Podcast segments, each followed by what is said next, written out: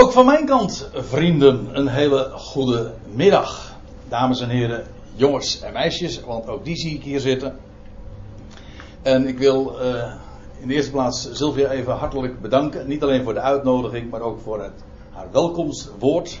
En voor de gelegenheid die zij nu heeft gecreëerd om hier een bijeenkomst als deze met elkaar te beleven. Rondom een thema waar in de loop van de kerkgeschiedenis heel veel over te doen is geweest. En ik weet niet waarom u hier bent gekomen, maar dat zou zomaar eens kunnen zijn vanwege het onderwerp. Ja, het kan ook zijn omdat u het wel zag zitten om een bijeenkomst mee te maken op initiatief van Stichting Boink.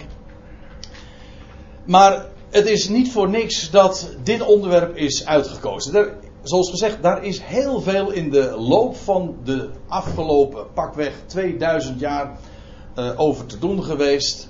En het is eigenlijk zo dat, en u bent gewaarschuwd, voor zover u dat nog niet uh, begrepen had, dat dit thema en dit onderwerp van oudsher in de hele kerkgeschiedenis en in de orthodoxe confessie, confessies, is uh, bestempeld als een ketterij. Alverzoening. De leer, of zoals dan uh, ook dikwijls genoemd wordt, de dwaalleer van de alverzoening. Nou trekken wij ons daar niet zoveel van aan. En we stellen gewoon een vraag in de eerste plaats, en dat wil ik vanmorgen, of, pardon, vanmiddag uh, ook laten zien en het een en ander daarover bespreken. Wat betekent dit begrip nu eigenlijk? En ik wil dat doen aan de hand van een aantal misvattingen. Ik wil eigenlijk het contrast laten zien.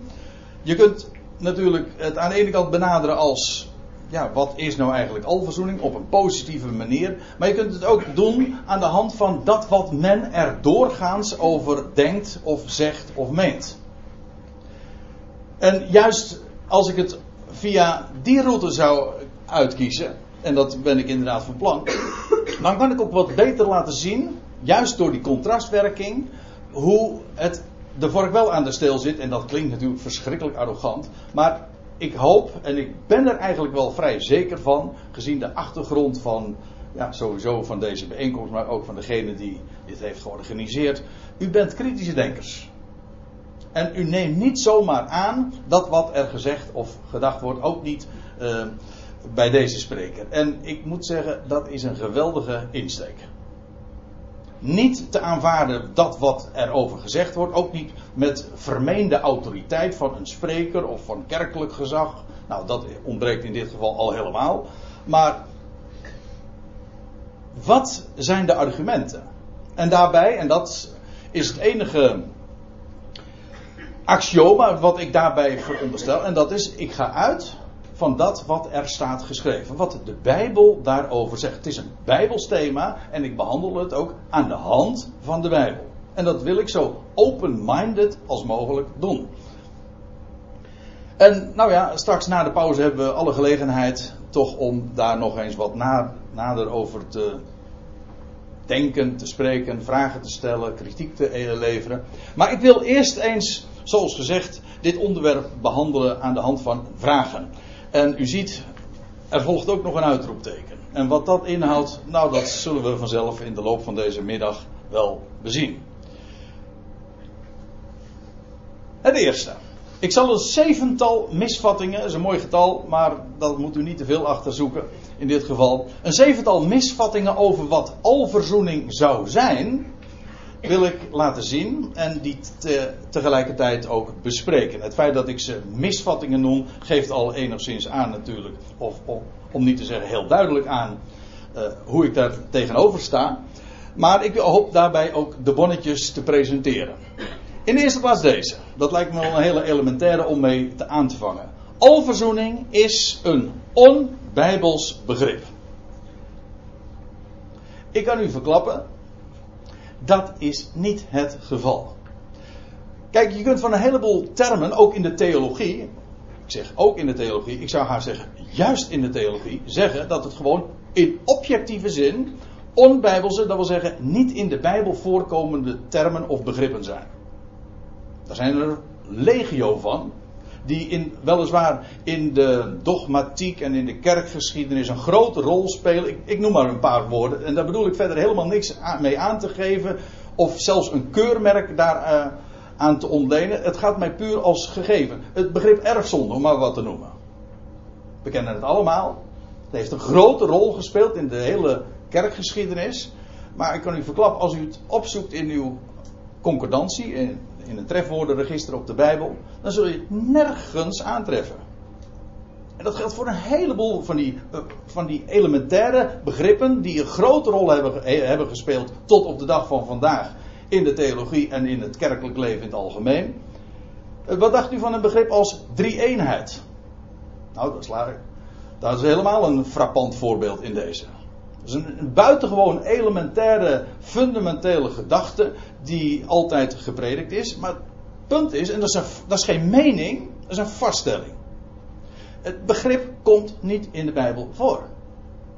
Evenmin als de termen die daar dan omheen nog weer zijn ontstaan. één wezen, drie personen of de twee naturen van Christus. Heel eigenaardig. Hoe groot de rol uh, ook is die deze termen spelen. In de Bijbel komen ze niet terug. Alverzoening hoort daar niet bij. Alverzoening, hoewel het de, reputatie heeft een onbijbels begrip te zijn, kan ik u gewoon vertellen. Het is rechtstreeks ontleend aan de Bijbel en wel aan een vers in de brief die Paulus heeft geschreven aan de Colossers, hoofdstuk 1, vers 20. Ik stel voor dat we daar eerst maar eens naartoe gaan. Want als we het over alverzoening hebben en we stellen daarbij vragen, ja, waarover hebben we het dan? Nou, in ieder geval, we hebben het dan over een begrip dat ontleend is aan Colossense 1, vers 20. En dan lees je deze woorden, dat Paulus schrijft aan deze Ecclesia, door hem, dat wil zeggen God, want ik val midden in een zin, maar daar gaat het over God die door hem, door de zoon van Gods liefde, want dat is het onderwerp. God die door hem vredemakend. In een tijdloze werkwoordsvorm staat dat, dat komt wellicht later vanmiddag nog wel te sprake. God door hem vredemakend door het bloed van zijn kruis, dat gaat het hier over de zoon van God uiteraard, het al wederzijds, of eigenlijk staat hier een woord dat betekent in zijn totaliteit. Het is zelfs zo sterk Paulus gebruikt hier een woord dat volstrekt uniek is en nergens elders in de Bijbel eh, gebruikt wordt. Maar sterker nog, het is nergens uh, elders aangetroffen in de hele klassieke Griekse literatuur. Paulus gebruikt hier een woord dat hij zelf, of ik moet wellicht zeggen, en veel beter, het is Gods geest die hem dat woord geeft en, het, en daardoor ook optekent. Maar elders zult u het nergens aantreffen. En dat woordje wat hij gebruikt, het is weergegeven met wederzijds. Daar is wel wat kritiek op te leveren, maar misschien dat dat ook nog wel te sprake komt. De middag duurt natuurlijk niet al te lang, dat weet ik ook wel. Maar goed. Uh, het gaat over een totaliteit, een geheel. Het al wederzijds met zich te verzoenen. Door hem. Het zij wat op de aarde, het zij wat in de hemel is. Nou, hier wordt een begrip gebruikt. Het in het Grieks staat er, staan er deze woorden. Je hebt niet eens zo heel veel fantasie nodig en kundigheid nodig om het te kunnen lezen. Dit zijn de letters zelfs die de apostel Paulus ooit 2000 jaar geleden optekende. Apokatalaxai tapanta. Apokatalaxai betekent die totale verzoening, die afverzoening, of in de vertaling wederverzoening. En dan tapanta van het al. Nou, waarmee gezegd is dat. Dat is wat Paulus hier in dit vers naar voren brengt. God is van zins om door hem, de zoon van God, en wel door het bloed van zijn kruis. We komen daar ook nog uh, op terug, hoe, hoe, die in de praktijk die relatie dan ook werkt. Maar het al met zich te verzoenen. En dan staat er dus verzoening van het al. Waarmee dus inderdaad gezegd is dat alverzoening direct is een, een term is. Goedemiddag. Een term is die door Paulus is gebruikt en onderwezen wordt in de Kolossenbrief. Dus alverzoening is een bijbelse term. Dat is één. De tweede misvatting. En dat is een wat lastige. En toch moet ik het even gezegd hebben en naar voren brengen.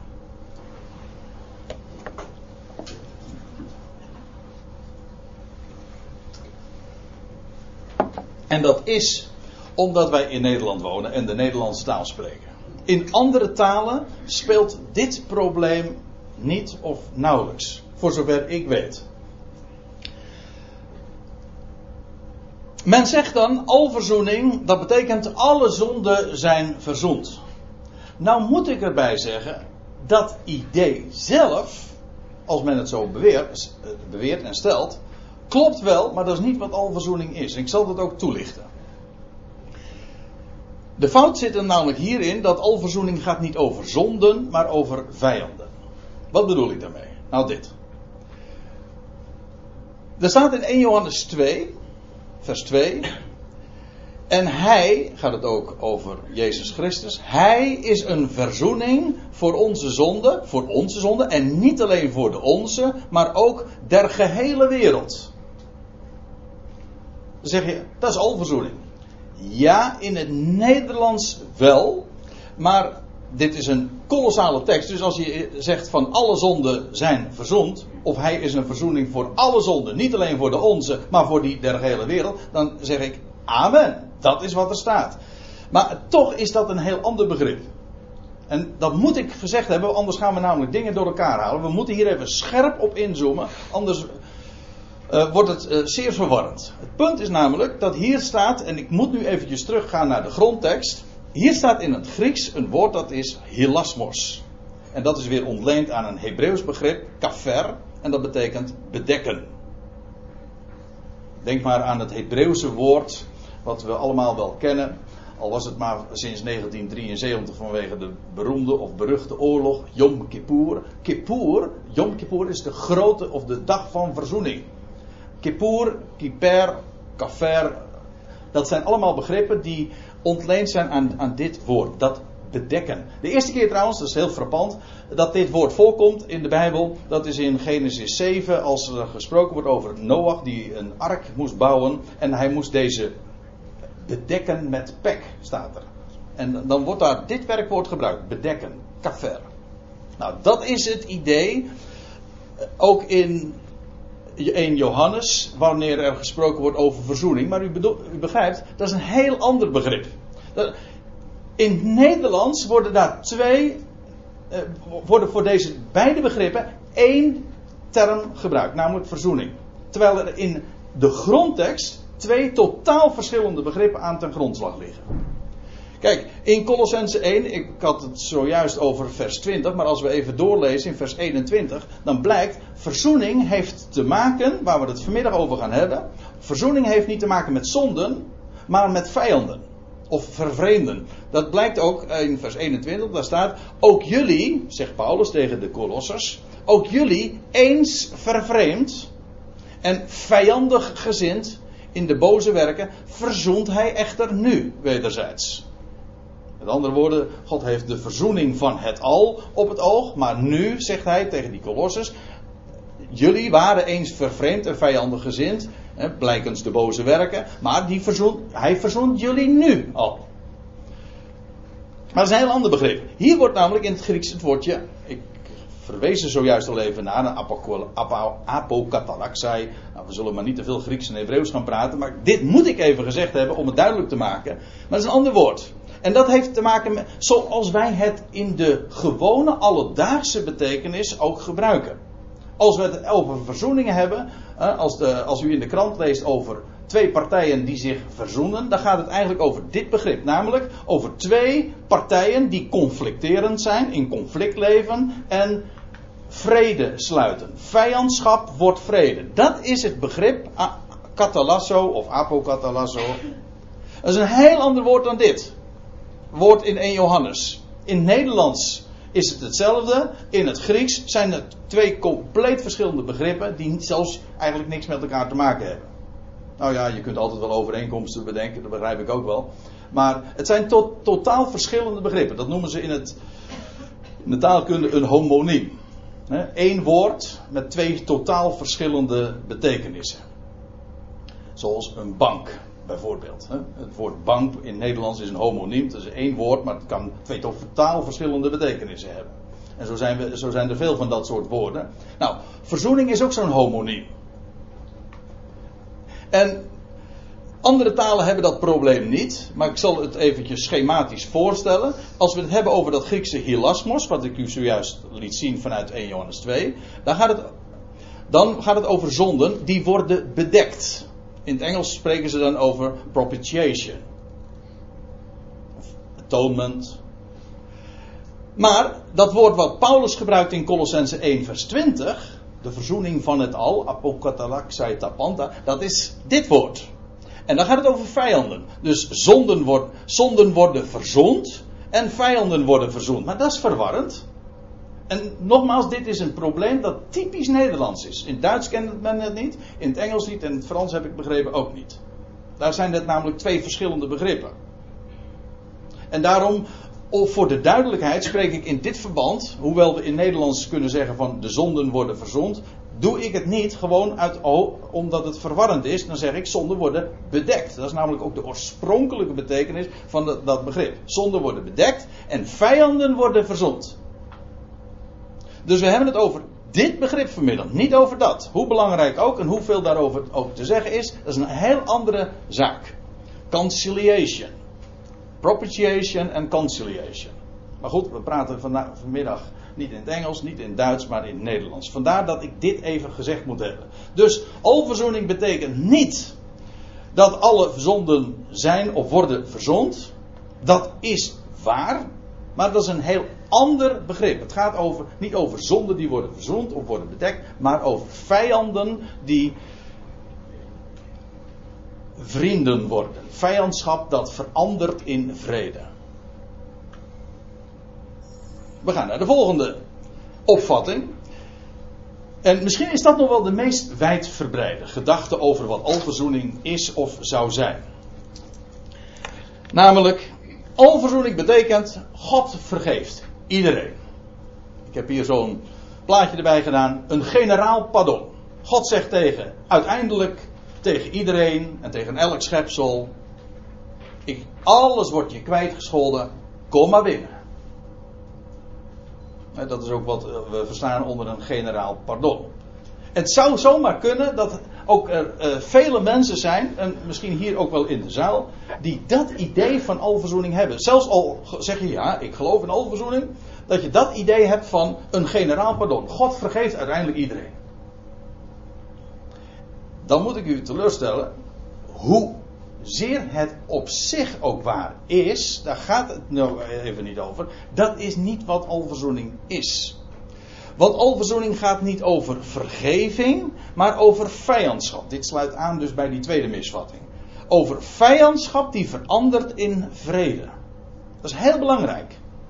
Dus dan gaat het niet over, over God die kwijtscheldt of die iets niet meer aanrekent. Nee, het gaat over personen, over schepselen die van vijanden veranderen in vrienden of in liefhebbers. Dat is een heel wezenlijke kwestie. Ik denk ook, als u het mij vraagt, is dit misschien wel het meest uh, belangrijke om, om, om goed te accentueren van al die zeven misvattingen. En ik zal het ook weer aantonen. En ik kom daarbij weer even terug op Colossense 1. Ik heb het namelijk al even genoemd. Maar ik leg nu een ander accent. Daar staat in vers 21 van dat hoofdstuk. Ook jullie. Eens vervreemd en vijandig gezind. Die twee begrippen liggen echt liggen heel dicht bij elkaar.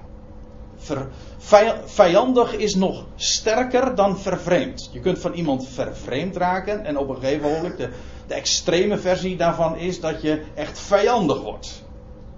Je kunt meestal is het een proces. Hè. In menselijke relaties, je vervreemdt van elkaar. En de uiterste begrenzing daarvan is dat je uiteindelijk een vijand wordt. Vijandig. Wel, die beide begrippen liggen besloten in verzoening. Dat wil zeggen, hier wordt gezegd, ook jullie, eens vervreemd, vijandig gezind, waaruit bleek dat uit die boze werken, verzond hij echter nu. Dat wil zeggen, hij verandert je, heeft jullie veranderd, of hij verandert jullie van vijanden of vervreemden. Dat laat hij in het midden. Beide kan. Maar in beide gevallen ben je dus vervreemd. Een vijand is namelijk ook vervreemd. Alleen in de meest extreme zin van het woord. En dan is er sprake uh, van een, een, een gezindheid die veranderd is. Er wordt hier gesproken van vervreemd en vijandig gezind. En, dat en betekent niet langer vervreemd of vijandig. Dus de persoon in kwestie is veranderd. De gezindheid is veranderd. Dat woordje kat alasso, waar ik het zojuist over had, daar zit ook het woord uh, dat alasso, dat betekent eigenlijk ook veranderen. Er zit dus een. De relatie verandert doordat de personen, of in ieder geval één van de twee partijen, ik bedoel als er sprake is van een conflicterende uh, relatie, de twee staan op gespannen voet met elkaar, er is sprake van vervreemding. Dan kan er zijn dat de een niet vijandig staat tegenover de ander, maar ja, it takes two to tango zeggen ze, maar je hebt er maar één in wezen nodig, wil er sprake zijn van vijandschap of vervreemding. Er hoeft er maar één, hoe vaak zie je dat niet in families, hè, tussen ouders en kinderen, dat de kinderen zich vervreemden van de ouders. Misschien ook vijandig gezind raken. Nou, die verzoen, wat is dan verzoening? Dat is dat degene die vervreemd is of vijandig is, die verandert in gezindheid. Er is niet langer sprake van vervreemding en van vijandschap. Ik, wil u, ik zal u straks trouwens daar nog een uh, voorbeeld van geven, maar eerst wil ik naar de volgende misvatting. Dus eerst even dus wat betreft dat God vergeeft niet iedereen. Nee, het gaat om, uh, het gaat om het punt dat vijandschap verandert in vrede. De vierde misvatting, dat is deze. En misschien denkt u, wat is daar nou mis mee? Met deze definitie of met deze omschrijving of beschrijving van alverzoening. Alverzoening, dat betekent alle mensen worden verzoend. En ik zeg, dat zit er dichtbij. En toch, ja, we leggen uh, vanmiddag uh, bepaalde accenten en de puntjes worden op de i gezet. Het begrip is veel wijdser. Alle betekent niet alle mensen. Het betekent. Alverzoening gaat niet alleen over mensen, maar over alle vijanden en vervreemden. En dan gaan we gewoon weer terug naar het vers waar aan het woord alverzoening is ontleend. Wat ik nu dit eerste deel van deze studie of van deze presentatie doe, is niks anders dan laten zien wat is alverzoening? Nou, dan ga je terug naar, in ieder geval naar de schriftplaats waaraan het begrip is ontleend. En wat staat er nou precies? En dan kom ik dus weer bij dat vers en nou leg ik weer wat andere accenten. U ziet het ook aan de woorden die ik nu echt in kapitaalletters heb gezet. Daar wordt namelijk gesproken over God die door hem, de Zoon van God, vrede maken door het bloed van van, van zijn kruis. Het al wederzijds met zich te verzoenen door hem. Het zij wat op de aarde is. Mensen, ja. Wie zijn er op aarde van hem vijandig? Wie zijn op aarde van hem vervreemd en vijandig gezind? Dat zijn mensen. Dieren niet, dingen ook niet. Nee, het zijn mensen. Maar niet alleen op aarde. Die, die, de verzoening van het al slaat niet alleen dat op dat wat op de aarde is, maar ook wat in de hemelen is. Zodat die al-verzoening, de verzoening van het al, apokatalaxai tapanta, die verzoening van het al betreft dus niet alleen maar mensen, het betreft het al. En daarbij niet alleen de scope richtend op uh, de aarde, maar ook dat wat in de hemelen is. En het zal je gedacht zijn. Lees het Nieuwe Testament maar op na. Hoeveel er juist ook in de, in de wereld boven ons, die zich volkomen onttrekt aan onze waarneming, maar dat is een ander verhaal. Hè, dat is achter de coulissen. Maar niettemin, die achter de touwtjes, uh, achter de schermen aan de touwtjes trekken, om zo te zeggen de Bijbel spreekt erover. In, trouwens, in de Colossensebrief spreekt er ook over. Over de overheden en machten. Efeze 2, vers 2. Over de overste van de macht der lucht. Of wat dacht u van Efeze 6, vers 12? U moet het zelf eh, thuis maar eens nakijken. Daar wordt gesproken over de overheden en machten. En over de wereldbeheersers van deze duisternis. En, en in de hemelse gewesten. Of te midden van de hemelingen. Of te midden van de hemelsen. Dus dan praat je over overheden en machten, boze machten, in die ongeziene wereld.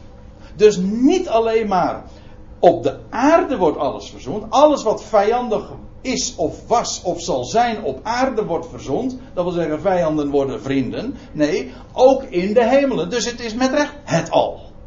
Er valt dus niets buiten. Het, op de aarde en in de hemelen. Dus als hier staat, al, alle mensen worden verzond, dan is dat waar. Maar het begrip is dan te mager genomen. ja, ik weet al, eh, als, je dit zo, als ik het zo zeg, dan zouden er misschien uh, vele mensen kunnen stijgeren. Als ik zeg, alle mensen worden verzond. En ik zeg, dat is te, een te magere omschrijving van al verzoening. Ja, de meesten zullen zeggen, van dat is een veel te, eh, veel, te, veel te brede opvatting. Maar ik, tot dusver beperk ik me gewoon tot de gegevens. Ik stel de dingen vast. En dan mocht ik daarin gebreken zijn, dan hoor ik dat graag van u. Maar goed, ik neem u daarin dus mee. Ik wil u daarvan trouwens een mooi voorbeeld geven. Ik vind dat eh, mag eigenlijk ook op een middag als deze niet ontbreken. Filippenzen 2, Filippi 2. Daar lees je die woorden. Ja, het maakt eigenlijk deel uit van een veel groter gedeelte. Maar dan gaat het over, over Jezus, die een naam heeft ontvangen. Hij heeft zich vernederd tot de dood. Ja, tot de dood van het kruis. Dat gaat allemaal vooraf aan vers 10. En daarom heeft God hem ook uitermate verhoogd. Hij heeft zich tot de uiterste maat vernederd. Hij, God heeft hem ook tot de uiterste maat verhoogd. Opdat in de naam van Jezus, en nou lees ik voor. Opdat in de naam van Jezus zich alle knie zou buigen. Van hen die in de hemel, van hen die op de aarde, van hen die onder de aarde zijn. Letterlijk staat er van hemelsen, van aardsen en van onderaardsen. Zo zeggen we dat niet zo, maar goed.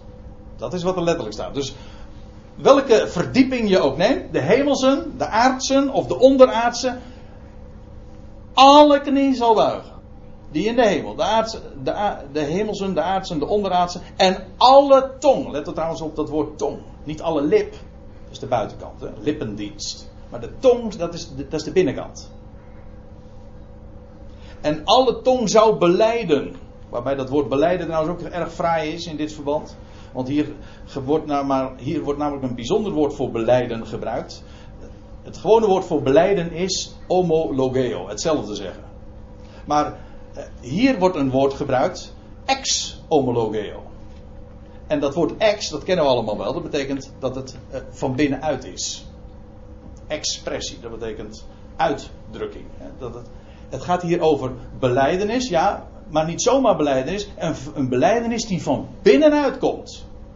Dus niet het idee van ze moeten met de, met de hiel in de nek.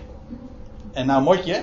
Nee, het gaat hier over alle tong. Daar, blijkt, daar blijkt het sowieso al uit. Maar bovendien, het woord beleiden geeft aan, het komt van binnenuit. En ze zullen zeggen: Jezus Christus is Heer. Tot eer van God de Vader. Waaruit trouwens ook weer blijkt dat het werkelijk is één ode aan Hem. God wordt, niet God wordt als vader niet geëerd door een gedwongen beleidenis. Nee, het is van binnenuit dat in de, de hemelse, de aardse, de onderaardse, universeel een halleluja zal klinken tot eer van God de Vader. En gezegd zal worden, Jezus is Heer.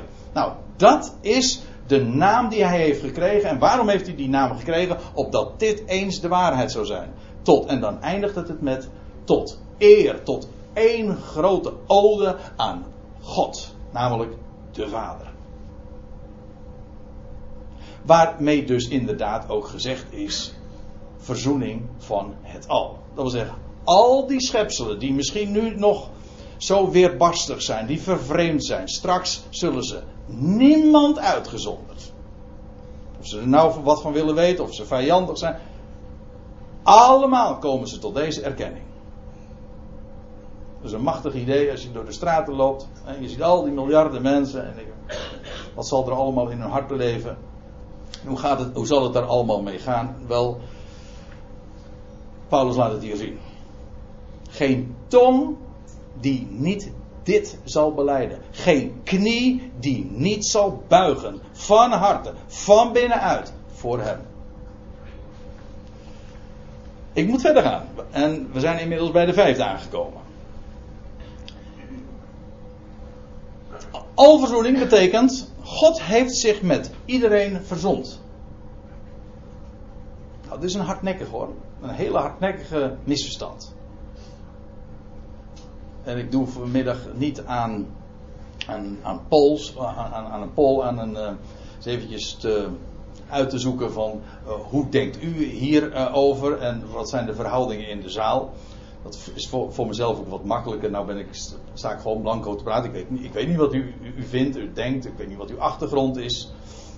Dat is ook wel weer een beetje een luxe natuurlijk. Ja, sommige van u ken ik wel. Maar dit is een gedachte die een, het hele idee van dat God zich verzond. Die heeft hele oude papieren. In de hele, dat noemen ze dan de, de theologie van de verzoening. En wat daar allemaal weer achter zit. Maar laat ik u, laat ik, zonder dat alles nou overhoop te gaan halen, laat ik me gewoon beperken ook nu weer tot de directe gegevens. Het punt is namelijk dit. God verzonde zich niet. Om een heel simpele reden. Hij was niet meer een vijand.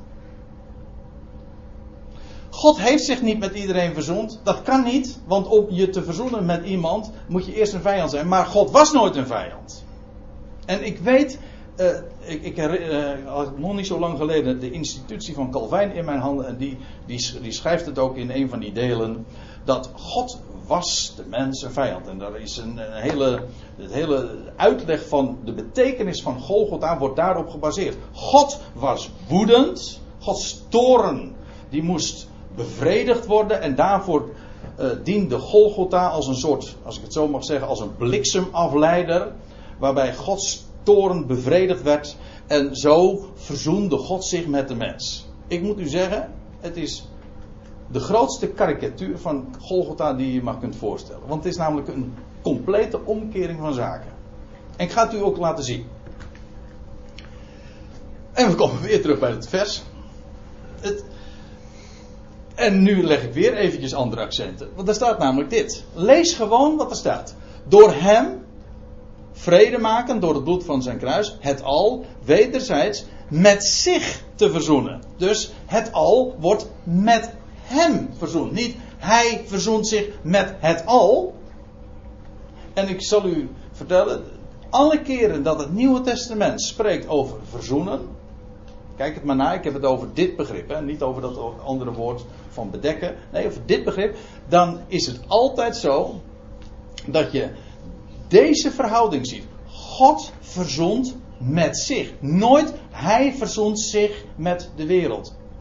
Daar zit een, het aarzel om het te zeggen, het diabolische idee achter. Ik durf het te zeggen. Het is namelijk ook zo. Dat God de, een vijand zou zijn van zijn schepping. Het tegendeel is waar. God houdt van zijn schepping. Dat is juist de bron van het onderwerp waar we het sowieso over hebben. En het, gaat, het is de rode draad door heel de Bijbel. God is liefde. Hij houdt van zijn schepping. En hij maakt alle dingen wel. Als je dat trouwens begrijpt, dan begrijp je eigenlijk het onderwerp ook. Hij is God. Hij heeft alles in zijn hand. Hij houdt van zijn schepping. Waarom? Ja, hij heeft onszelf bedacht. Hij heeft onszelf gemaakt. Zou hij niet in staat zijn om zijn eigen schepselen daar te brengen waar hij het hebben wil? Wel, en dan kan de, de schepping of schepselen of mensen van hem vervreemd raken. Of vijandig gezind zijn. Jawel. Maar daarmee is God nog geen vijand. God hoefde zich niet te verzoenen. Het al wederzijds met zich te verzoenen. Door hem het zij wat op de aarde, het zij wat in de hemelen is. Ik ga nog naar een andere schriftplaats. Waar je exact hetzelfde ziet. Waar je ook, waar dus ook de, de notie ontbreekt dat God zich verzond. Nee, nergens vind je dat in de Bijbel. Ik daag u uit om het tegendeel aan te tonen. Altijd is het, als het gaat over verzoening, dan verzoent God met zich. En dit alles is uit God die door Christus, 2 Korinthe 5, ons met zich verzoent. Niet zich met ons, ons met zich en ons de bediening van de verzoening geeft, welke immers hierin bestaat dat God in Christus de wereld met zichzelf verzoenende was. Niet zichzelf met de wereld verzoenende was. Zie?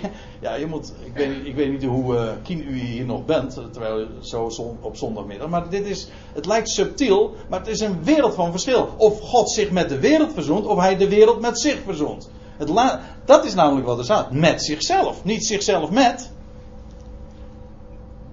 Door hun overtredingen niet toe te rekenen. Ik heb er nog één. Romeinen 5. Want als wij, toen wij vijanden waren, met God, verzond werden door de dood zijn zoons. Niet dat God, dat God verzond werd met ons. Nee, wij, vijanden. Hier zie je trouwens ook weer vijandschap en verzoening. Die twee hebben we met elkaar te maken. Het gaat niet over dingen, het gaat over personen. En wel over vervreemden en vijanden. Als wij toen wij vijanden waren met God verzond werden. Niet dus God met ons. Nee, God was geen vijand. Wij waren vijanden. En Paulus zegt toen wij vijanden waren. En Paulus was er zelf trouwens een, voor, een geweldig voorbeeld van. Geweldig tussen aanhalingstekens. Hij zegt ook wij. Toen wij vijanden waren. En Paulus was een vijand. Maar hij zegt, Paulus zegt. Ik ben een vijand. In ieder geval één van die vijanden. Maar ik werd met God verzoend. Niet God werd met mij verzoend. God, God was altijd al liefde. Nooit was hij een vijand. Dat is een heel belangrijk punt. Al, vooral ook in verband met het, het beeld dat we van God hebben. Houdt hij van ons? Is hij werkelijk liefde? Is hij begaan met elke creatuur? Of is hij een vijand die zijn toren moet stillen en die ons probeert te pakken of zo?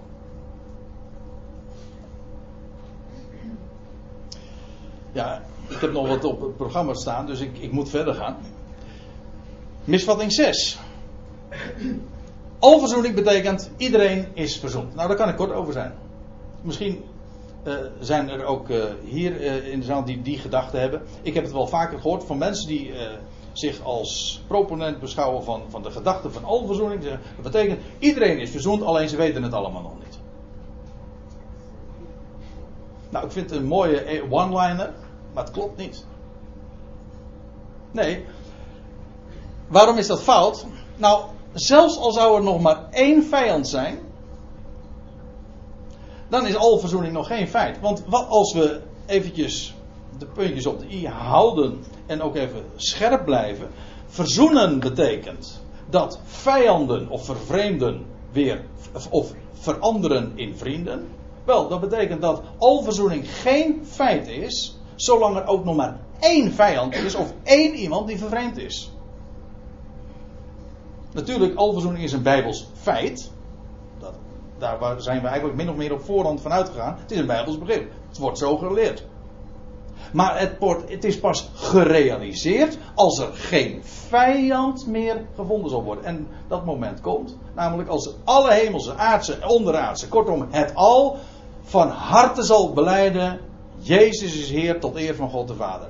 Dan is er geen vijand meer. Vind je het goed als, ik, als we straks de bespreking uh, zullen houden, dan hou ik nu even mijn verhaal, want ik ben bang dat ik anders uh, uh, niet aan mijn vijf kwartier genoeg heb.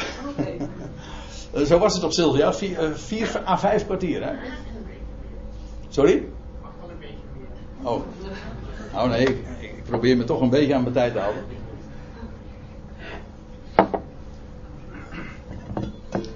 Ja, nou ja, als het dan toch langer wordt, dan moet ik er nog maar even wat bij schenken. Dat heeft de pastoor, ik voor u allen. Oh.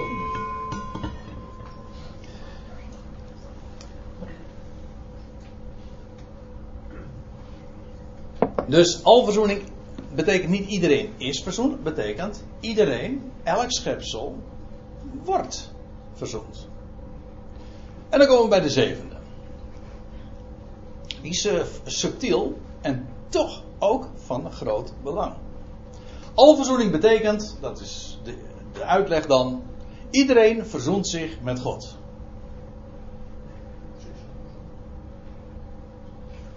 Nou, is dat zo? Ja, ik noem het een misvatting, dus u weet in ieder geval al hoe ik erin sta.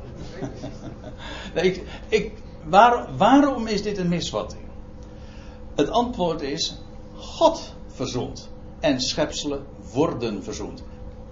Het is niet iemand verzoent zich, iemand wordt verzoend. Is daarin passief. Dat is, heel, dat is een groot verschil. In de verzoening is een schepsel volstrekt passief. God is degene die verandert. En hij maakt vijanden tot vrienden. Niet een vijand die verandert zichzelf en wordt daardoor een vriend. Nee, dat is Gods werk. En ook dat kan ik uh, bijbels aantonen. En ik zal u daarvoor weer een paar voorbeelden geven. Romeinen 5, en daar waren we al even. Maar nu leg, maak ik weer een andere, ander woord vergroot ik even uit. Daar staat, want als wij, toen wij vijanden waren, met God verzond werden door de dood zijn zoons. Ook hier is het dus, zoals gezegd, Paulus sluit zich daarbij in. Paulus zegt, ik was een vijand. En ik werd verzoend. Dat wil zeggen, ik werd van een vijand een liefhebber van hem. Namelijk toen mij duidelijk werd de dood van zijn zoon waarin God zijn liefde bewijst.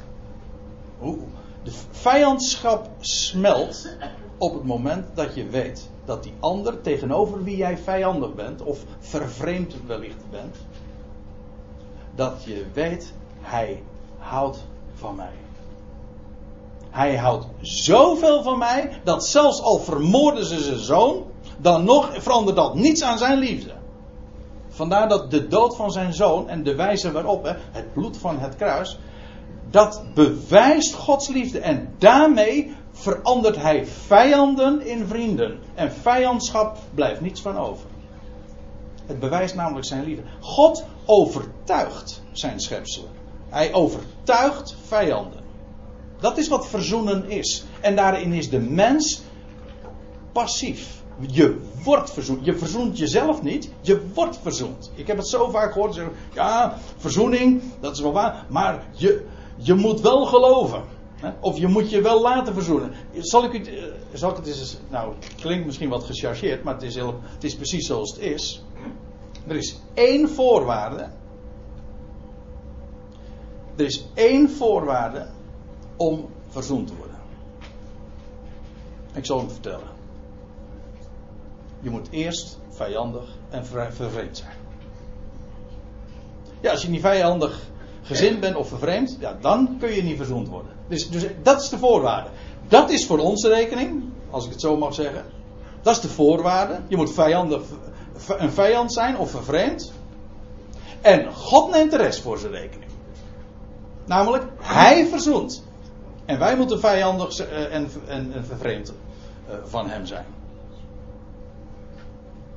We worden verzoend. Het is zijn werk. Paulus schrijft dat ook in 2 Korinthe 5, als hij het over deze dingen heeft. En daar zegt hij, en dit alles is uit God. Nou, dat is eigenlijk wat ik ook zeg. Het is niet uit een mens. Je, we zijn daarin zelf leidend voor. Hij is degene die handelt. Wij hebben onszelf niet gemaakt. Niemand van ons. En sommige mensen hebben, tobben daar hun hele leven mee. Met, met het gegeven dat ze zijn zoals ze zijn. Maar het antwoord is: er is er één die ons gemaakt en bedacht heeft en die een plan heeft. Hij heeft ons gemaakt en dat niet alleen. Hij is ook degene die ons verandert. Hij is de pottenbakker, wij zijn het klei. En hij maakt ons, maar hij verandert ons ook. Zijn wij vijanden en zijn wij vervreemd, dan is Hij het die garant staat dat wij veranderd worden. Hij overtuigt ons. Want hoe, hoe maak je nou een vijand tot een vriend? Nou, door hem te overtuigen, hem of haar te overtuigen van jouw liefde. Staat in Romeinen 12 een mooi voorbeeld daarvan. Dat als uw vijand dorst heeft, geef hem te drinken. Heeft hij honger, geef hem te eten. Want staat er, wordt er dan aan toegevoegd. Zo zult gij vurige kolen op zijn hoofd werpen. En er staat er nog iets bij, maar is me even ontschoten. Maar in ieder geval, dan kan de vijandschap niet blijven bestaan. Als iemand die jij, naar wie jij vijandig staat. En jij hebt honger. Je komt in een situatie dat je afhankelijk van de andere. En, je, en die ander bewijst, ondanks de vijandschap, jouw liefde. En die geeft jou eten, als je honger hebt. En die geeft jou drinken. Wel, dan kan de vijandschap niet langer blijven bestaan. Er is een prachtig Bijbelse illustratie van. In de, wat mij betreft de mooiste. En dat is in de geschiedenis van Jozef en zijn broeders. Die hem hadden verkocht, notabene. En die kwamen inderdaad in een situatie van honger. En die kwamen in Egypte. En Jozef bewijst wat zij voor hem betekende. Zijn hart stond wagenwijd open voor hen. Ja, niet omgekeerd. En hoe? Hij bewijst zijn liefde. Hij geeft hem te eten. Nou ja, dat is een hele, heel proces geweest. Dat is niet van de ene op het andere moment. Maar hij bewijst zijn liefde. En zo, die vijandige broers worden zo weer veranderd in vrienden.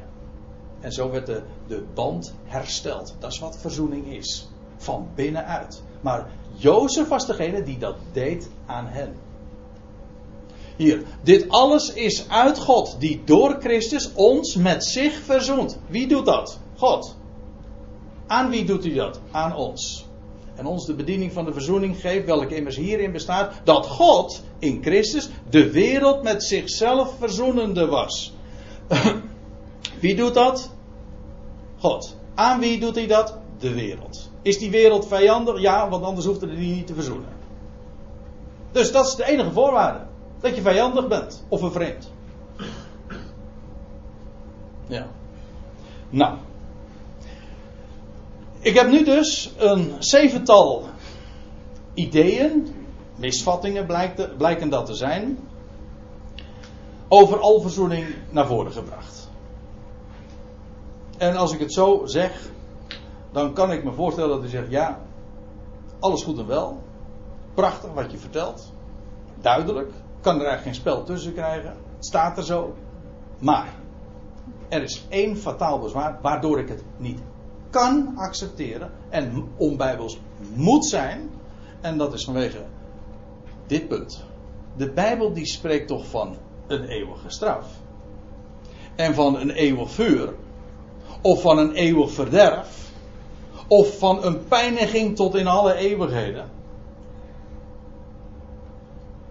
Als dit waar is, in de zin zoals wij dat dan opvatten, eeuwig, je pakt een woordenboek, wat is eeuwig? Pak je vandalen uit de kast, eeuwig, tijd zonder einde. Nou, als er een eindeloze straf is, is, kennelijk geen, is er geen, kennelijk geen verzoening. Dus dan is het of het een of het ander waar. Voor veel mensen ligt deze hele kwestie op die manier. Het is namelijk of je gelooft het een of je gelooft het ander. En dan wordt het kiezen. Je kan niet alles, je kan niet beide geloven. Je kan niet geloven en dat God alle schepselen weder tot zich verzond. En tegelijkertijd ook in een eindeloos vuur, een eindeloze straf of een pijniging tot in alle Dat kan niet. Het is namelijk het een of het ander. En dan gaan mensen kiezen. Dit is een fataal bezwaar. En aangezien er vele schriftplaatsen die spreken in deze trant, is voor veel mensen ook alverzoening. Ligt buiten hun horizon. Dat kan nooit. De alverzoening, ja, dat staat alle, maar dat betekent niet echt alle. Dat, dan moet je namelijk dat begrip alle gaan reduceren. Reductie plegen op de tekst. En dat is wat alom gedaan wordt. Als er staat alle mensen, ja, betekent allerlei mensen. Of vele mensen. Of alle mensen op voorwaarde dat. Je moet dan gaan sleutelen al die universele termen van allen of elke. En ik kan er heel wat noemen en er zullen nog meer te sprake komen. Als, als staat in 1 Timotheus 4 dat God is een redder van alle mensen, dan staat er in de. Dan staat er in de kanttekeningen van de Statenvertaling, ja, dat betekent alle gelovigen. Of daar staat er in de, in de in, uh, in de studieboeken van het wachttorengenootschap, dat betekent allerlei mensen. En zo, wordt, zo worden die begrippen, eh, wat we het, als we het hebben over alverzoening, wordt dat gereduceerd. En dat kan dus niet alle betekenen. En daar is, hebben ze een heel goed argument voor om dat te doen. Natuurlijk is dat sleutelen, het is, dat kan niet. Je mag, je mag zo niet met de tekst omgaan. Maar men is genoodzaakt om het zo te doen, omdat ja, de Bijbel spreekt over eeuwige straf. En termen van soortgelijke strekking. En daarom, dit is het allerbelangrijkste bezwaar. Er zijn, Er zijn ongetwijfeld nog andere bezwaren, maar die, die kunnen niet tippen aan dit bezwaar. Dit is namelijk een fataal bezwaar tegen waar we het zojuist over gehad hebben, tegen alverzoening. En hoe zit dat? En het antwoord is heel simpel, als u het mij vraagt.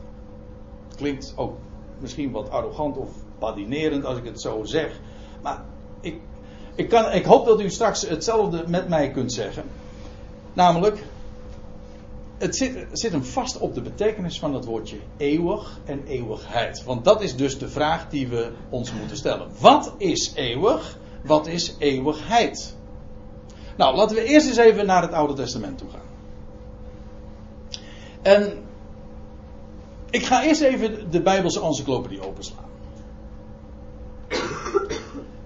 En ik hoop dat er nou nu mensen zijn die hun wenkbrauwen fronsen en zeggen van ja, hoor eens even, dat is voor mij geen argument. En dan, dan zeg ik, dan ga ik eigenlijk het liefst naast u zitten en zeggen van, daar ben ik nou helemaal met je eens. Maar voor velen is dit wel een argument. En wat zeggen de naslagwerken? Nou, de naslagwerken, die zijn daar volstrekt helder in. Wat dat begrip eeuwig betekent. Ik ben hier nu in de Bijbelse encyclopedie. Uitgegeven bij Kok Kampen. Hier niet ver vandaan. Pagina 239 staat over eeuwigheid dit.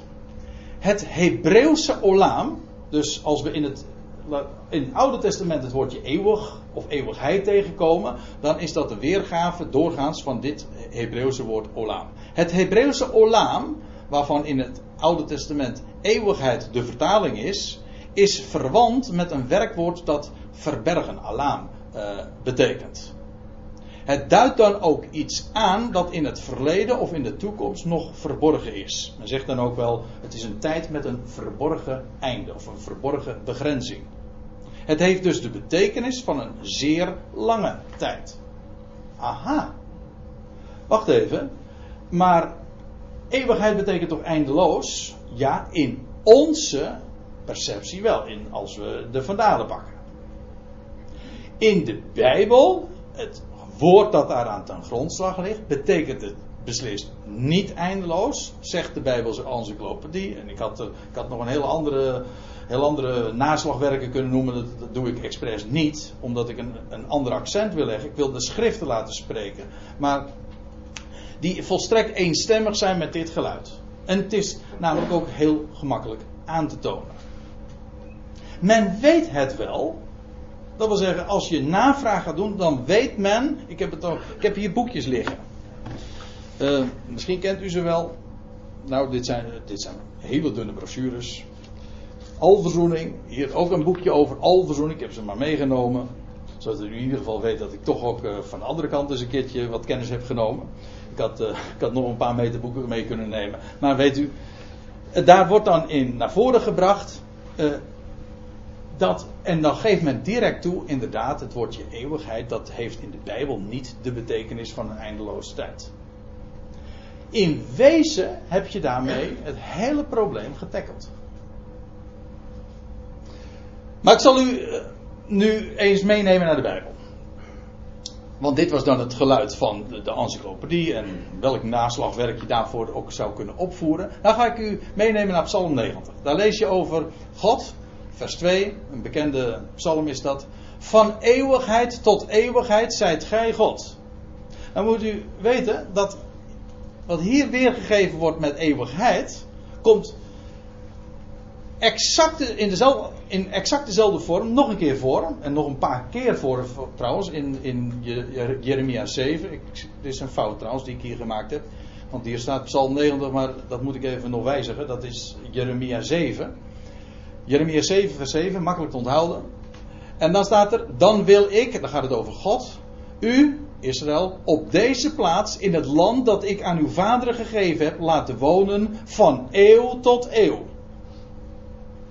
Nou zou je zeggen, ja, dat is een heel ander begrip, van eeuw tot eeuw. Maar ik zal u vertellen, er staat in het Hebreeuws hier hetzelfde als hier. In Jeremia 7 als in Psalm 90. Hier vergeeft men het weer met eeuwigheid en hier geeft men het weer met eeuw.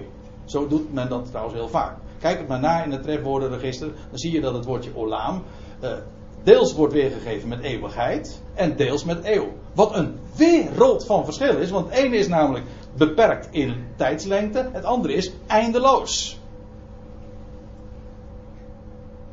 En als je dat idee van eindeloos, wat wij nu eenmaal koppelen aan eeuwig en eeuwigheid, eh, betrekt met, eh, en leest in begrippen als eeuwige straf, ja, dan, dan word je daardoor verhinderd. Dat, verblindt je in ene keer voor dat wat ik eerder naar voren bracht over de verzoening van het al. En dat alle knieën gaat buigen, alle tong zal beleiden, et cetera. Dan kun je dat niet meer zien.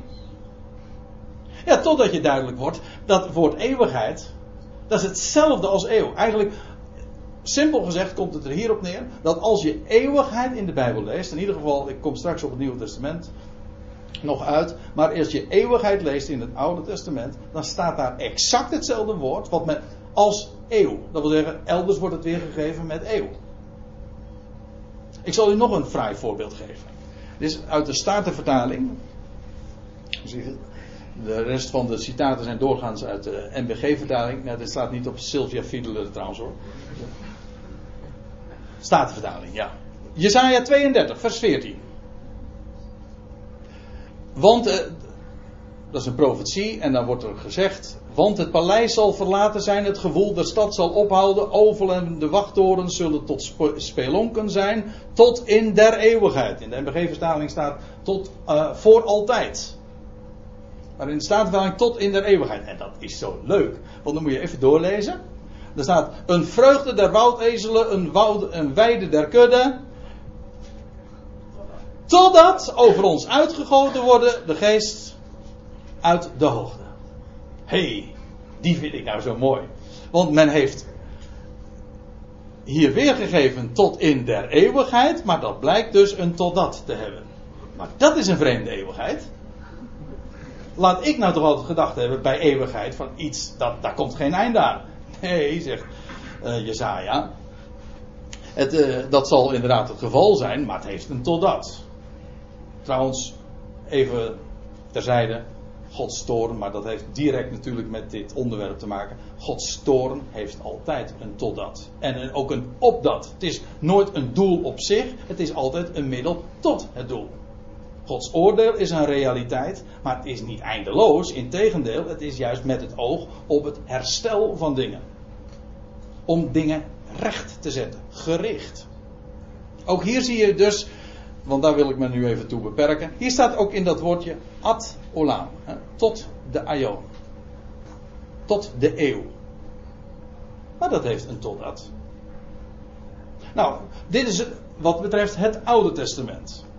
Ik geef toe, ik ga er met zeven mijls doorheen. Ik moet het kort houden, maar om het eventjes kort en duidelijk weer te geven. Olam wordt weergegeven met eeuw en eeuwigheid. Maar de betekenis, als je het concordant doet, dat wil zeggen eensluidend zou weergeven, dan geef je het weer met eeuw. Dat kan namelijk altijd.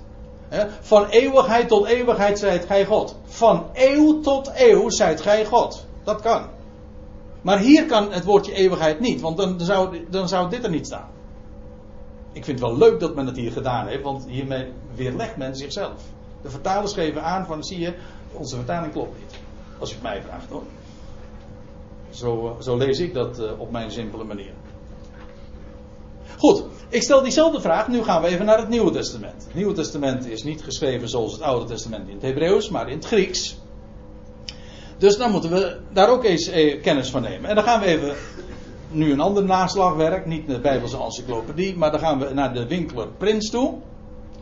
1950, deel 7, bladzijde 797. Volstrekt oninteressant. Maar wat wel interessant is dit. Daar schrijft de, de winkelprins een algemene encyclopedie, dus helemaal geen theologische insteek heeft. Die, gaat, die geeft, verklaart gewoon een begrip, hoor, naar de algemene betekenis die het heeft.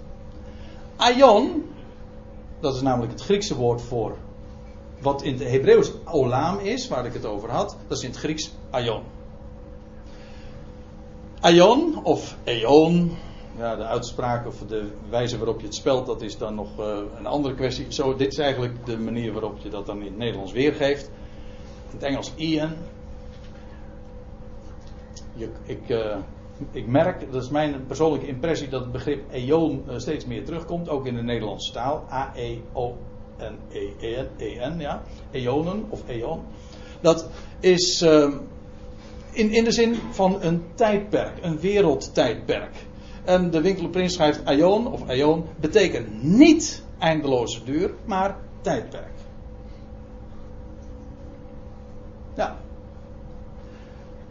Wat, wat mij betreft open deur intrappen is, maar het is een theologische bom.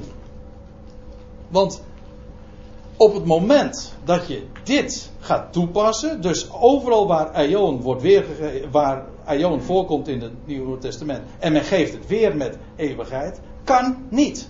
Dat is namelijk niet de betekenis van het woord. En dit zeg ik niet omdat Winkeler Prins dat zegt. Dit is namelijk gewoon exact zoals het is. Namelijk de, exact overeenkomend ook met de Bijbelse feiten. Ik zal daar een voorbeeld van geven.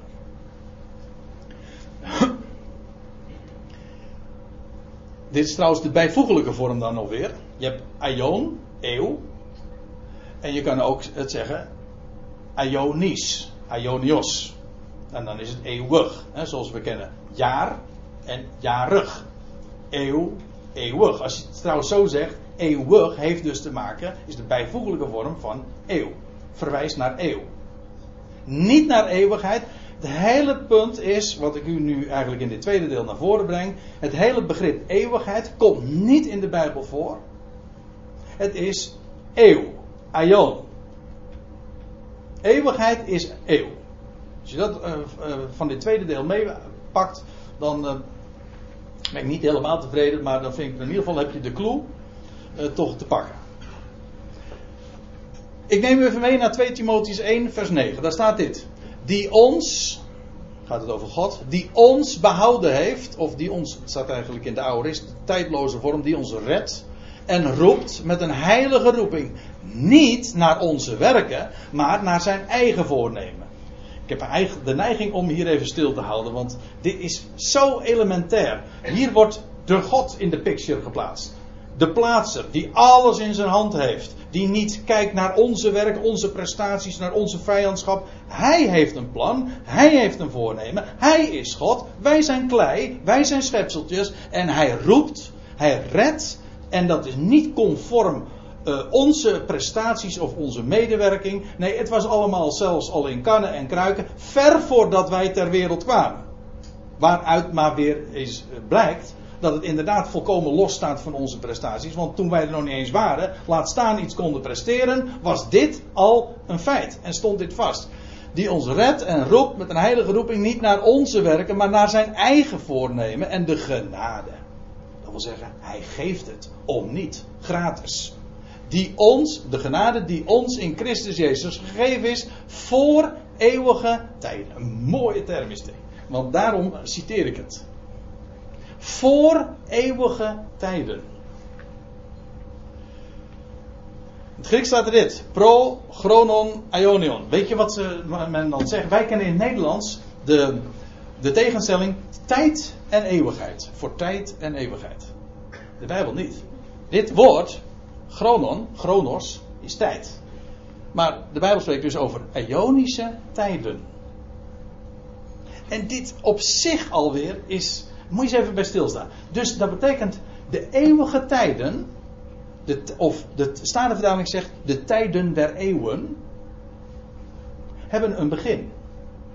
Want God had dit allemaal al bepaald en het was gegeven, zijn voornemen was het al, voor de tijden der eeuwen. Voordat die eonische tijden of eeuwige tijden, of hoe je het ook maar zeggen wil, een aanvang hadden, was dit al in zijn hart en in zijn voornemen. Voor die eeuwige tijden. Als eeuw, eeuw staat, of aion staat niet tegenover tijd. Nee, het is juist een eeuw is een kenmerk van die tijden. En die hebben een aanvang gekregen, vandaar dat er ook kan, sprake kan zijn van voor eeuwige tijden. En daar komt bij, een eeuwige, een eeuwige tijd heeft dus niet alleen een begin, want er was voor eeuwige tijden. Maar een eeuwige tijd heeft ook een einde. Want het wordt weer opgevolgd door een andere eeuwige tijd. Vandaar het meervoud. Voor eeuwige tijden. Dus de enige eeuwige tijd wordt weer opgevolgd door een andere eeuwige tijd. Daar moet je aan wennen, dat weet ik. Inmiddels eh, ben ik er helemaal vertrouwd mee, maar het heeft me ook een hele tijd gekost om, om, om om te schakelen. Zeker als je vertrouwd bent en opgegroeid bent in het gedachtegoed van een eindeloze eeuwigheid. Dan moet je daar helemaal van loskomen. Maar, nou ja, ik zou zeggen, bestudeer de schrift. En, en, neem deze dingen gewoon. Uh, maak, maak ze je eigen. En lees wat er staat. Voor eeuwige tijden was dit door in Gods voornemen in zijn plan. Waaruit dus volgt dat die ionen een begin hadden. En bovendien ook een einde. En opgevolgd worden weer door andere ionen. Ik neem u nog naar een andere schriftplaats mee. Het koninkrijk, openbaring 11, vers 15. Daar is bij de zevende bazuin en daar wordt er geroepen: Het koninkrijk van de wereld is gekomen aan onze Heer en aan zijn gezalfde. En hij, zijn gezalfde, zal als koning heersen tot in alle eeuwigheden. Die, die term komt nog eens een keertje voor in met name de boek De Openbaring. Maar moet je, daar moet je even bij nadenken. In de eerste plaats eens even nadenken over het woordje eeuwigheden. Dat is een vreemde term als je denkt dat eeuwigheid eindeloos is. Want als eeuwigheid een eindeloze tijd is, wat kan er dan nog aan toegevoegd worden? Hoezo meervoud? Eeuwigheden. En dan nog wel alle meer eeuwigheden. Hoeveel eindeloos. Hoe meer je erover nadenkt, hoe meer je erover struikelt. Dat is namelijk een, zoals dat in het, eh, een mooie Latijnse term heet, contradictio in terminus. Dat wil zeggen, het is een innerlijke tegenstrijdigheid. De termen strijden in zichzelf met elkaar. En dat is al, als, we, als je even nadenkt over die begrip alle eeuwigheden, maar ga dan eens een keertje terug naar de grondtekst. Ik heb het u even uit de interlineair overgenomen. Er staat letterlijk niet tot in alle eeuwigheden, er staat tot in de ionen van de ionen. Hoezo alle? Het, het woord, hele, woord alle staat helemaal niet eens in die tekst. En er wordt niet gesproken over eeuwigheden, maar er wordt gesproken twee keer over ionen. De ionen van de ionen. Nogmaals, het is gewoon een vaststelling. Het is geen mening, het is een. Er is niet geen sprake van eeuwigheden tot in de ionen van de ionen. Waarom hebben ze dat dan niet zo weergegeven? Zegt u, vraagt u. Ja, ik heb wel een idee. Dat is de theologie. Dus er is namelijk geen enkele logica achter. Nee, waarom, wat verhindert men om dat gewoon weer te geven? Ik zal je straks nou nog een kolossale reden geven. Maar er staat gewoon tot in de ionen van de ionen. Die term zelf, de wijze waarop het gebezigd wordt, de overtreffende trap. Dat is eigenlijk ook een soort van Hebraïsme. De heilige der heiligen, lied der liederen, de koning der koningen. Hier de ionen van de ionen. Dat wil zeggen, de, de, de ionen die gaan komen, dat zijn de meest overtreffende van de ionen die er aan vooraf gegaan zijn. De overtreffende Ionen. Wel, daarin zal hij heersen. Is dat tot in alle eeuwigheid? Nee, zeg ik dan. Dat is Oost-Europees, maar nee, dat is absoluut niet. Hij heerst niet tot in eeuwigheid, of tot in alle eeuwigheid. Hij heerst tot in de Ionen van de Ionen. Dat is wat er staat. En de wijze waarop het gebezigd wordt, geeft juist aan dat het om tijdperken gaat. Namelijk in de meest overtreffende tijdperken die nog gaan komen, waarin zijn heerschappij zijn beslag zal krijgen. Maar ik zal u dit verklappen: die tijd kent een einde. En daar wil ik u dan tenslotte naar, uh, naartoe nemen. Naar een tekst waarin dat ook zo uitdrukkelijk staat. En ook dat schriftgedeelte vind ik dat bij zo'n presentatie als deze genoemd moet worden. Ik heb nog hele belangrijke schriftplaatsen niet genoemd. En als u me daar straks op aanvalt of bekritiseert, dan zeg ik u helemaal gelijk. Er had zoveel meer nog genoemd kunnen worden. Maar ja, de tijd is uh, slechts beperkt. Maar hier wil ik u even naartoe nemen. Want ik, heb, ik noem nu dit gegeven, hè, in openbaring 11, vers 15, waar gesproken wordt over de gezalfde. Die zal heersen tot in alle eeuwigheden. Nou, ik heb u al laten zien, eeuwigheden, dat is een innerlijke tegenstrijdigheid. Ik heb u ook laten zien, dat staat er helemaal niet. Er wordt gesproken over de ionen van de eonen. En dan ga ik u nog eens wat vertellen. Ik neem u mee naar 1 Korinthe 15. Het hoofdstuk. Het monumentale, monumentale hoofdstuk over de triomf van het leven over de dood. En dan, dan vangt dat aan. Nee, dat vangt niet aan, maar in ieder geval vangt een nieuw gedeelte aan. In vers 22 met deze woorden. Want evenals in Adam allen sterven. Dat wil zeggen, alle nakomelingen van Adam, die sterven. We zijn allemaal stervelingen. Heb je daarvoor gekozen? Nee. Gewoon, je bent een Adamiet, een, een nakomeling, een afstammeling van Adam. En daarom een sterveling. Zo is het. Of je het nou leuk vindt, of, of je het nou mee eens bent, het is gewoon een gegeven. We zijn allemaal stervelingen. Allemaal.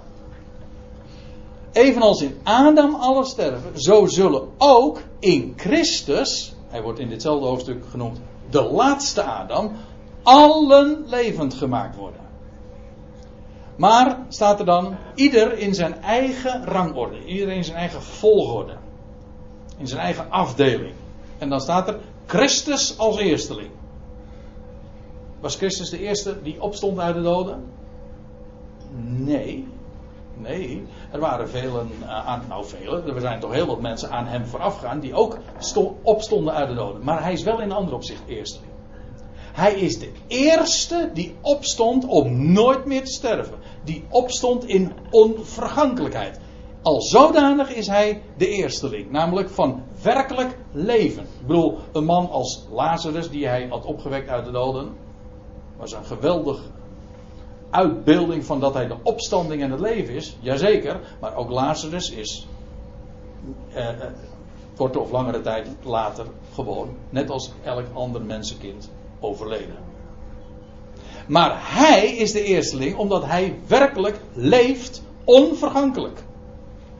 Over dat leven gaat het. Allen levend gemaakt gaat het naar het model van Christus als eersteling.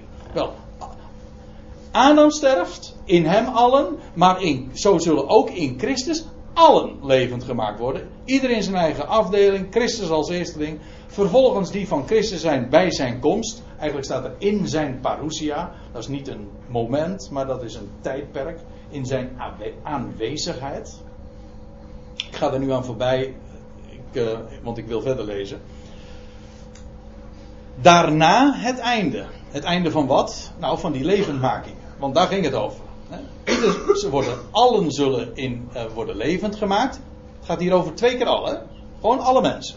Als dit alle mensen zijn, dan zijn dit ook alle mensen. Wel, iedereen zijn eigen rangorde.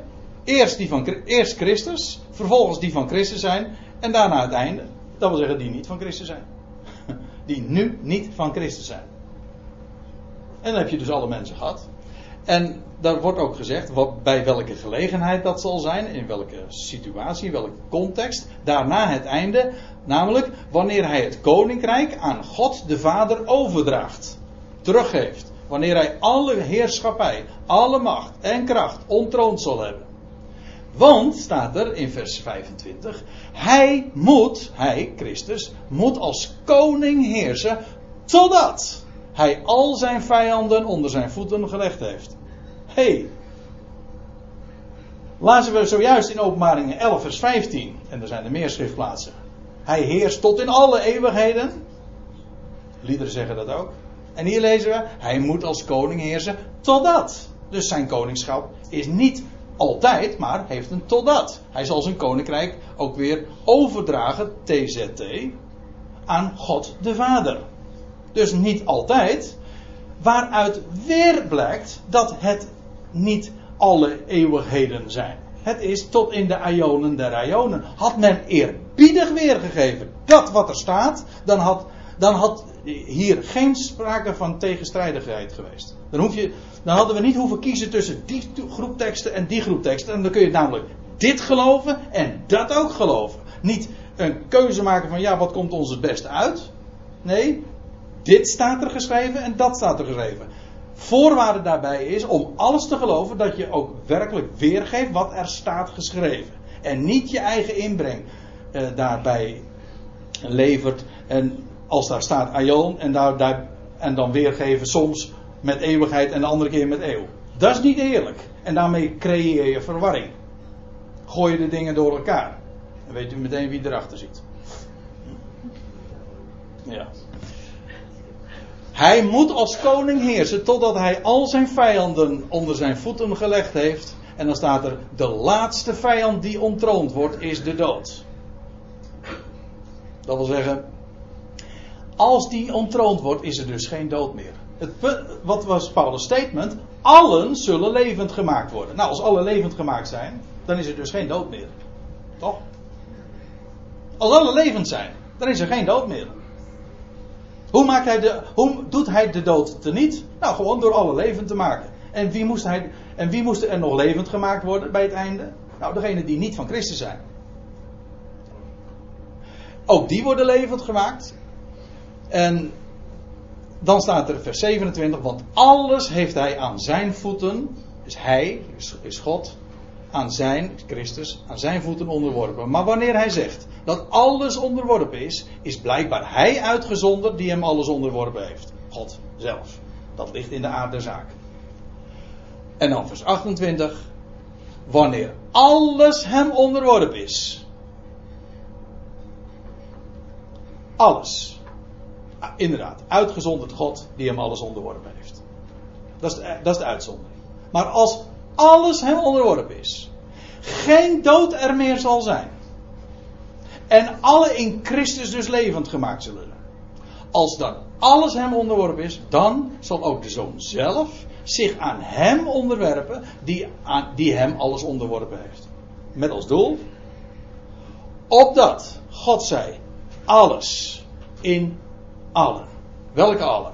Wel, in ieder geval die allen die in Adam sterven en in Christus worden levend gemaakt. Namelijk wanneer de dood teniet gedaan wordt. En het leven zal triomferen.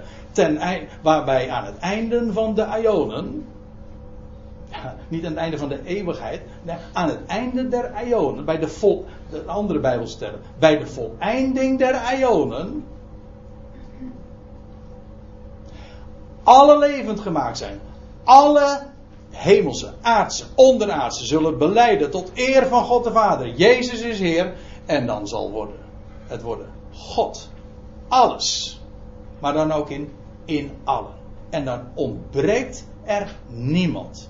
En dan, dan zal God zijn doel hebben bereikt. En dan zal alles wat hij ooit kwijt was, verloren was, gevonden hebben.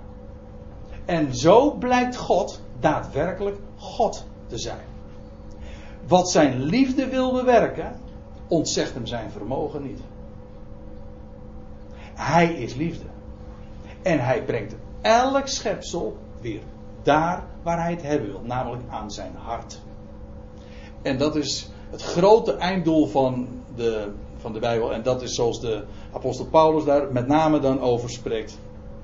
En ik stel voor dat we bij eh, de volgende gelegenheid uh, daar ook eens met elkaar nog uh, nader over in gesprek zullen gaan. En ik stel voor dat we eerst even gaan pauzeren. Maar wellicht dat Sylvia nog even het woord tot ons wil richten.